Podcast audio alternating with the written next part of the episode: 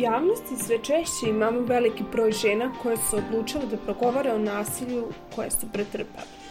Zašto žene ne prijavljaju nasilje je zapravo pitanje koje se iznova i iznova postavlja.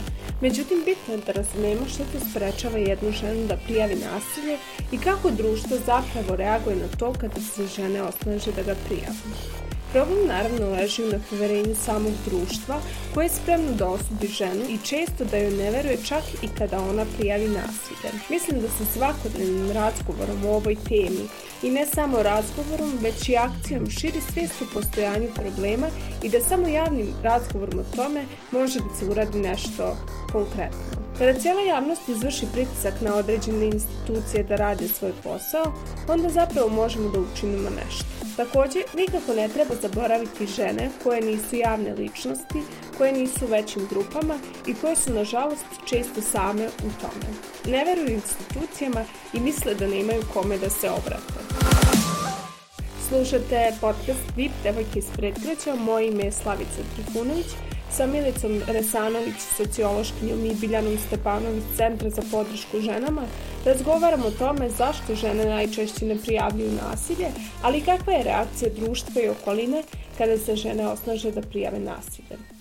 Rodne uloge su nešto što nam je tradicionalno nametnuto, a od žena se očekuje da budu dobre majke i domaćice, a u isto vrijeme nežne i privržene svojoj porodici, dok je muškarac glava porodice i tako treba i da se postavi. Sociološkinja Milica Resanović, sa kojom sam razgovarala o ovoj temi, opisuje kako te uloge izgledaju.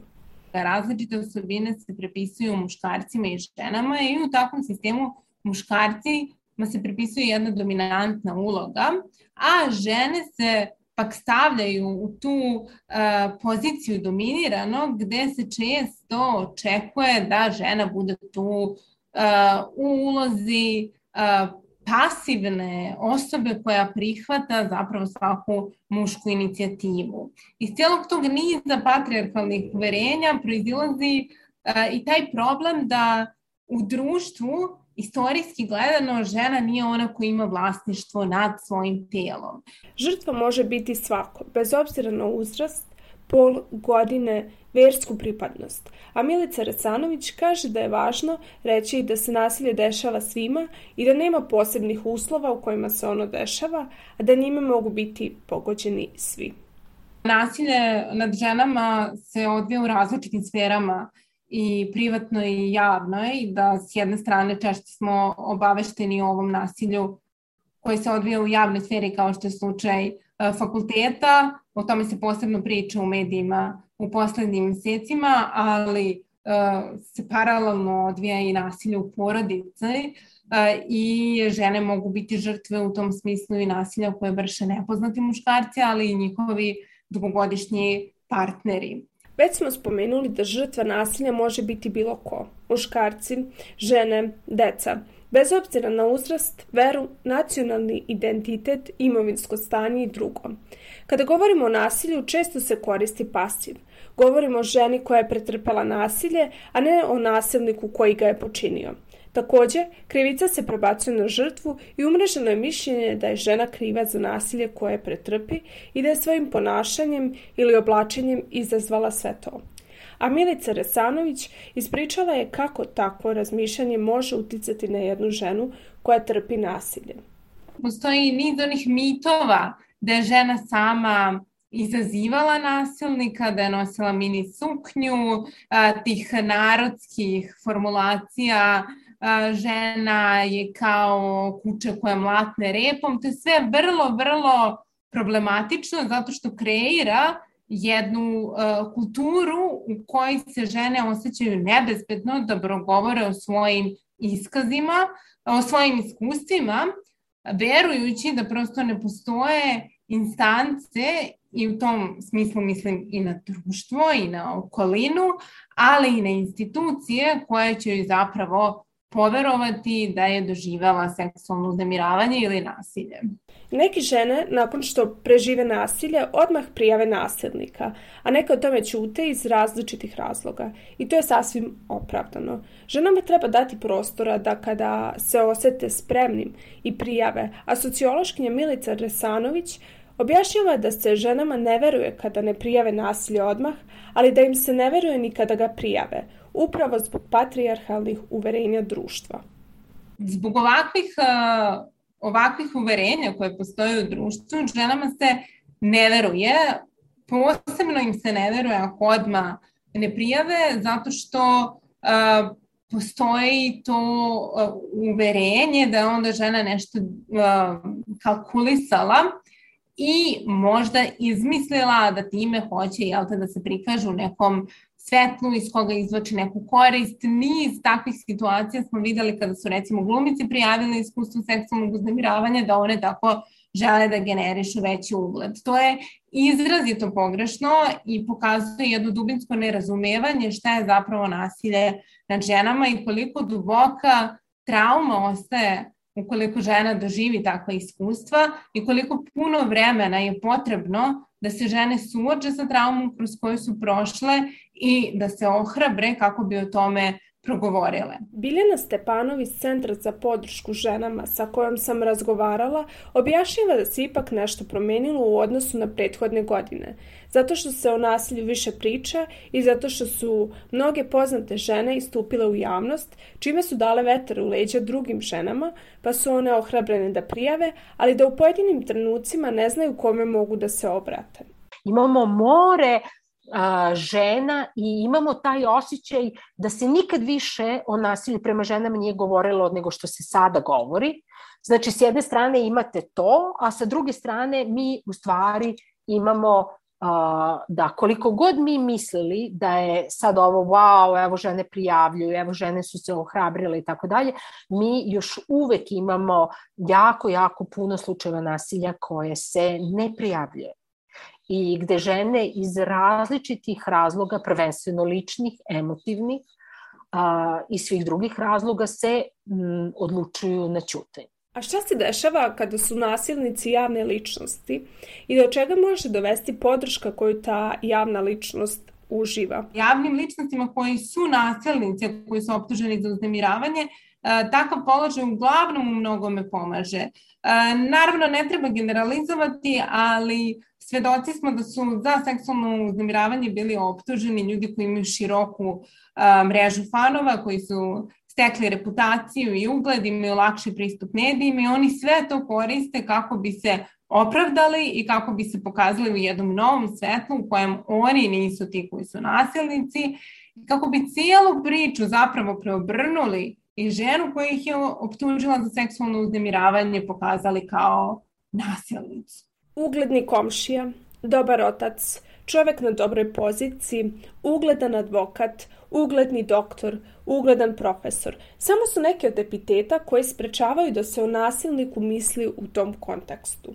Prebacivanje e, odgovornosti na žrtvu je opet deo negde, da tako kažemo, naše, naše tradicije a, i predrasuda prema ženama, kakve su žene e, i ono što je tu najvažnije, krivica se, e, da kažemo, e, prenosi na žrtvu, žrtve se sa, okrivljuju i za ono što nisu uradile, tako što se pravi kontekst gde je neko znao ovo, neko je znao ono, o, ovo je video, ovaj nije video, ali je čuo i onda se u tom, u, iz tog konteksta se praktično gradi priča. A, I uvek je u toj priči neko mora da bude kriv. A, nekako, opet kažem, nije popularno u narodu da neko ko je na poziciji moći, neko ko je ugledni komšija, neko ko je dobar tata, neko ko ima te da kažemo, na prvi pogled afirmativne atribute, da je to dobar čovek, da je to odgovorni domaćin i tako dalje, ovaj, da se on okrivljuje, Nasilje može biti fizičko, psihičko, seksualno, emocionalno i ekonomsko nasilje. Prema podacima krovne organizacije mladih, ovi oblici se odnose na nasilje u porodici i partnerskim vezama i postoje van okvira rodno zasnovanog nasilja. A kako ćemo mi posmatrati i deliti nasilje i da li društvo oblikuje naše stavove prema njemu, objasnila je Milica Resanović društvo u kojem živimo uvek oblikuje e, stavove ljudi e, koji u njemu žive. No, treba imati u vidu da um, društvo nije toliko homogena celina. U tom smislu nemaju svi pripadnici istog društva iste stavove i ono što je kada govorimo o ovim temama važno, da se javljaju neki fragmenti u društvu i neki akteri koji zagovaraju nove uh, i drugačije vizije rodnih uloga i odnosa i koji se bore za veću ravnopravnost. Ali ono što jeste i dalje nekako istraživački se vidi dominantno da su patriarchalne vrednosti e, i norme široko rasprostranjeni. Reakcija društva na nasilje ne izostaje, ali se dešava da ona bude negativna, odnosno da se žrtva okrivi za nasilje koje joj se dogodilo. Međutim, tako nije samo u Srbiji, već je to jedan široko rasprostranjen problem. Čini mi se da smo kao društvo prilično nespremni da prihvatimo da je neko pritrpeo nasilje, posebno kada je reč o rodno zasnovanom nasilju koje pre svega žene doživljavaju. Postoji niz predrasuda i stereotipa zbog kojih se ženama u našem društvu, ali i globalno, ne pričam samo o društvu Srbije, ne veruje. I kad kažem predrasude i stereotipe, mislim na ona uverenja koja su nezasnovana, negativna. A šta je sa zakonima? Evidentno je da oni postoje, ali se u praksi oni ne sprovode kako treba. A Milica Resanović, sociološkinja, kaže da je neophodno da se zakonski okvir prilagodi stanju na terenu. Zakonski okvir treba prilagoditi svim onim podacima koje imamo sa terena o tome koliko je nasilje nad ženama rasprostranjeno. U tom smislu zakonski okvir treba da postane e, refleksivniji i da bolje adresira problem nasilja nad ženama i uopšte rodno zasnovanih nejednakosti, ako ćemo šire o tome da govorimo. E, drugo, postavlja se veliki zadatak e, da se ulančaju definicije koje postoje u različitim zakonskim okvirima kako bi se pružio bolji odgovor na ova pitanja. To je problem koji je karakterističan za naš zakonski okvir. Ženama je potrebno mnogo hrabrosti i snage da prijave nasilnika, ali kada odluče da javno progovore, naiđu na nerazumevanje svoje okoline i javnih institucija, koje bi trebalo da ih štite. Kako to poruku šalje ženama, rekla je Milica Resanović jako ozbiljna poruka koja se šalje ženama. Prvo, žene uh, koje su pretrpele nasilje se jako teško u ovakvim okolnostima osnaže i ohrabre da govore o tome. Ako onda se suoče sa takvim nepoverenjem u društvu i nepoverenjem institucija, dolazi do sekundarne viktimizacije i ponovnog proživljavanja traume. Posledice koje ostaju po psihičko zdravlje mogu biti izuzetno jake, dolazi do porasta ili ponovnog javljanja različitih strahova, osjećanja stida, osjećaja degradiranosti i to su sve vrlo m, ozbiljna neprijatna stanja sa kojima se pojedinac teško nosi. Čuli smo Milicu Resanović koja je skrenula pažnju kakvu poruku društvo šalje ženama i kakve to posledice može ostaviti po nju. A Biljana Stepanović Centra za podršku ženama ukazuje na pogrešan pristup pojedinih institucija poput policije i Centra za socijalni rad koji treba da reaguju po prijavi nasilja, ali prave upravo suprotan efekat tako što usmere ženu na pomirenje sa nasilnikom umesto da je pruže podršku i adekvatno reaguju. U velikoj meri i centri za socijalni rad a, negde su kočnica a, obraćanja institucijama iz jednog prostog razloga, što kada se žena javi centrima za socijalni rad, pogotovo žena koja ima maloletnu decu, a, i koju tek čeka neko, neki dugi, težak postupak razvoda braka, određivanje starateljstva, alimentacije i svega ostalog šta će se dalje dešavati. Centar za socijalni rad je tada a, negde uvek na strani mogućnosti, ako tako mogu da kažem, da ponudi pomirenje ili da savetuje ženi da pokuša da se pomiri sa a, suprugom, sa partnerom. Znači, Centar za socijalni rad negde u velikoj meri tada u tim situacijama pokušava da svojim delovanjem iznudi, tako, ako tako možemo da kažemo, očuvanje porodice, da žena treba da popusti, da to možda neće se više ponoviti, da je to važno zbog deteta, da dete ima i oca i majku, da je važno da postoji matična porodica za dete i tako dalje i tako dalje. Takve žene kada se posle nama jave, one vrlo često govore uh, a, ne želim da idem u policiju, u policiji su mi se smeli ili ne znam, u policiji je bio policijski službenik koji poznaje napasnika a, i nasilnika, a, znači žene jednostavno se povlače i to je, kao što sam rekla, verovatno jedna od najgorih poruka koje mi ženama u tom trenutku e, šaljemo. Opet se vraćamo na taj društveni moment. Evidentno je da živimo u društvu u kom smo odgajani na način da kada komšija tuče ženu, to ipak nije naša stvar i ne zovemo policiju. Ali kada se kod komšije čuje preglasna muzika, odmah pozovemo policiju da nam reši taj problem. Ono što je još možda veći problem, ako uopšte tako može da se kaže, je što se kreira jedna društvena atmosfera u kojem se šalje poruka i drugim ženama da one ne smeju o tome da progovore. Znači, kreira se uh, jedan kontekst u kome se svim žrtvama seksualnog uznemiravanja zapravo poručuje uh, ne, vi ne možete o tome da govorite, ovo društvo vam ne veruje, ove institucije vam ne veruju, vi sedite, ćutite i nastavite da trpite ono što vam se dešava. I to je izrazito negativna posledica, izrazito veliki problem koji nepoverenje jednoj žrtvi koja se pokaže kreira dalje i stvara zapravo lanac tih uh, događaja koji uh, smanjuju verovatnoće da će bilo koja druga žena da prijavi seksualno nasilje. Krajem 2021. godine na Twitteru je pod tagom Nisam prijavila objavljen niz svetočanstava žena koje su pretrpele neke od oblika nasilja. A ovaj tag je upravo poslužio kao prostor za žene koje su bile žrtve i da bi se ohrabrile da progovore. Međutim, Biljana Stepanov objašnjava da tim tagom, iako ne može izostaviti njegov značaj, ipak nije obuhvaćen veliki broj žena koje su pretrpele nasilje, poput žena iz seoskih područja, jer ne koriste sve žene tu društvenu mrežu. Veliki deo populacije žena u Srbiji praktično ne koristi Twitter koristi jedna određena društvena grupacija koja se okuplja u stvari na Twitteru i to su žene koje su um, vrlo ili poznate i koje su obrazovane, koje su informisane, koje tačno znaju kad, kako, koju poruku šalju, na koji način ta, se ta poruka šalje i tako dalje.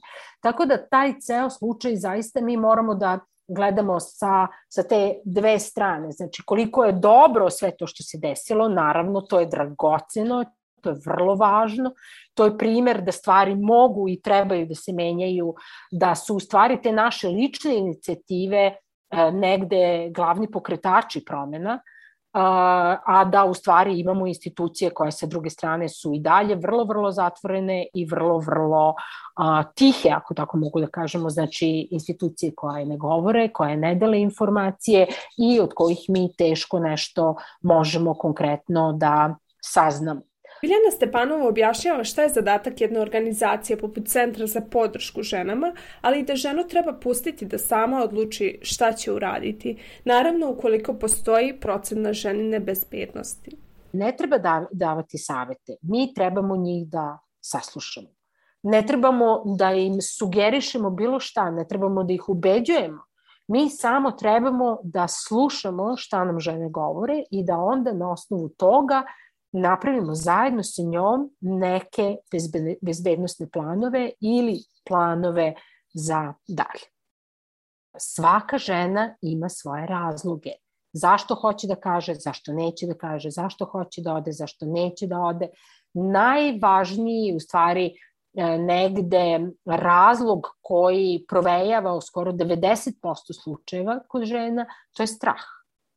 Koliko je strah da živi sa njim, da živi pod nasiljem i u nasilju, toliko je strah i da ode, zato što uh, misli ili zna iz sobstvenog iskustva da će on negde pronaći. I da će biti još gore nego što je sad.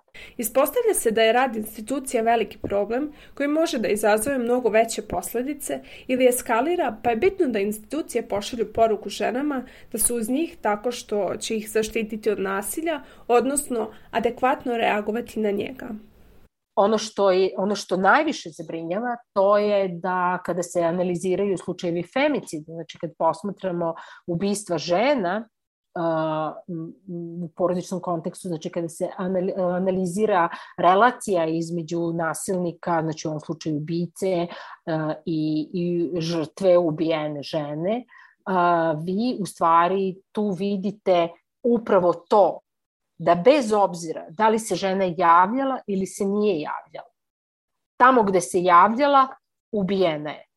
Tamo gde se nije javljala, isto je ubijena. Znači, negde nešto ne funkcioniš. Negde nešto ne funkcioniš. Da su žene koje su prijavljivale nasilje, da su njihovi životi spašeni, verovatno bi to bila jedna vrlo, vrlo jaka i vrlo određena poruka koju bi mi kao društvo poslali ženama e, žrtvama nasilja. Da je pravda postoji, da može da a, da mogu biti spašene. Utvrdili smo zapravo da javnom osudom žrtve i ponašanjem u kojem ju jasno dajemo do znanja da joj ne verujemo, šaljimo poruku da nije trebalo ni da prijavi nasilje. Ali ono što je, kako kaže Biljana Stepanović, Centar za podršku ženama, bitno da uradimo jeste da joj pošaljemo drugačiju poruku. Poruka bi trebalo da bude potpuno drugačija. Poruka bi trebala da bude da su institucije otvorene, da ih institucije slušaju sa pažnjom, da razumeju to što im žene govore, da bez obzira koliko žena bila uplašena, koliko konfuzno govorila, bez obzira da li žena želi da a, odma a, da i da kaže sve detalje slučaja, a, bez obzira na sve to policija bi trebala da postupa sa dužnom pažnjom. I ne samo policija, znači tu je i Centar socijalni rad. Slušali ste podcast VIP, Devojke iz predgraća, moje ime je Slavica Trifunović. Razgovarala sam sa Milicom Resanović, sociološkinjom i Biljanom Stepanović, Centar za podršku ženama, o tome da je Centar za socijalni rad institucija koja nagovara žene na pomirenje sa nasilnikom umesto da im pruži adekvatnu pomoć, o nasilnicima koji imaju izgrađen ugled u društvu i ženama koje gube poverenje u institucije pa im se redko obraćaju. Podcast možete slušati na Sounder FM-u, podcast.rs u Google Podcastu i Spotify-u. Ja svakako čekam vaše komentare, razmišljanja, predloge tema na društvenim mrežama Fabrike kreativnosti. Na Facebooku smo Fabrika kreativnosti, a na Instagramu Fabrika podcasta. Čujemo se uskoro. Produkcija Fabrika kreativnosti.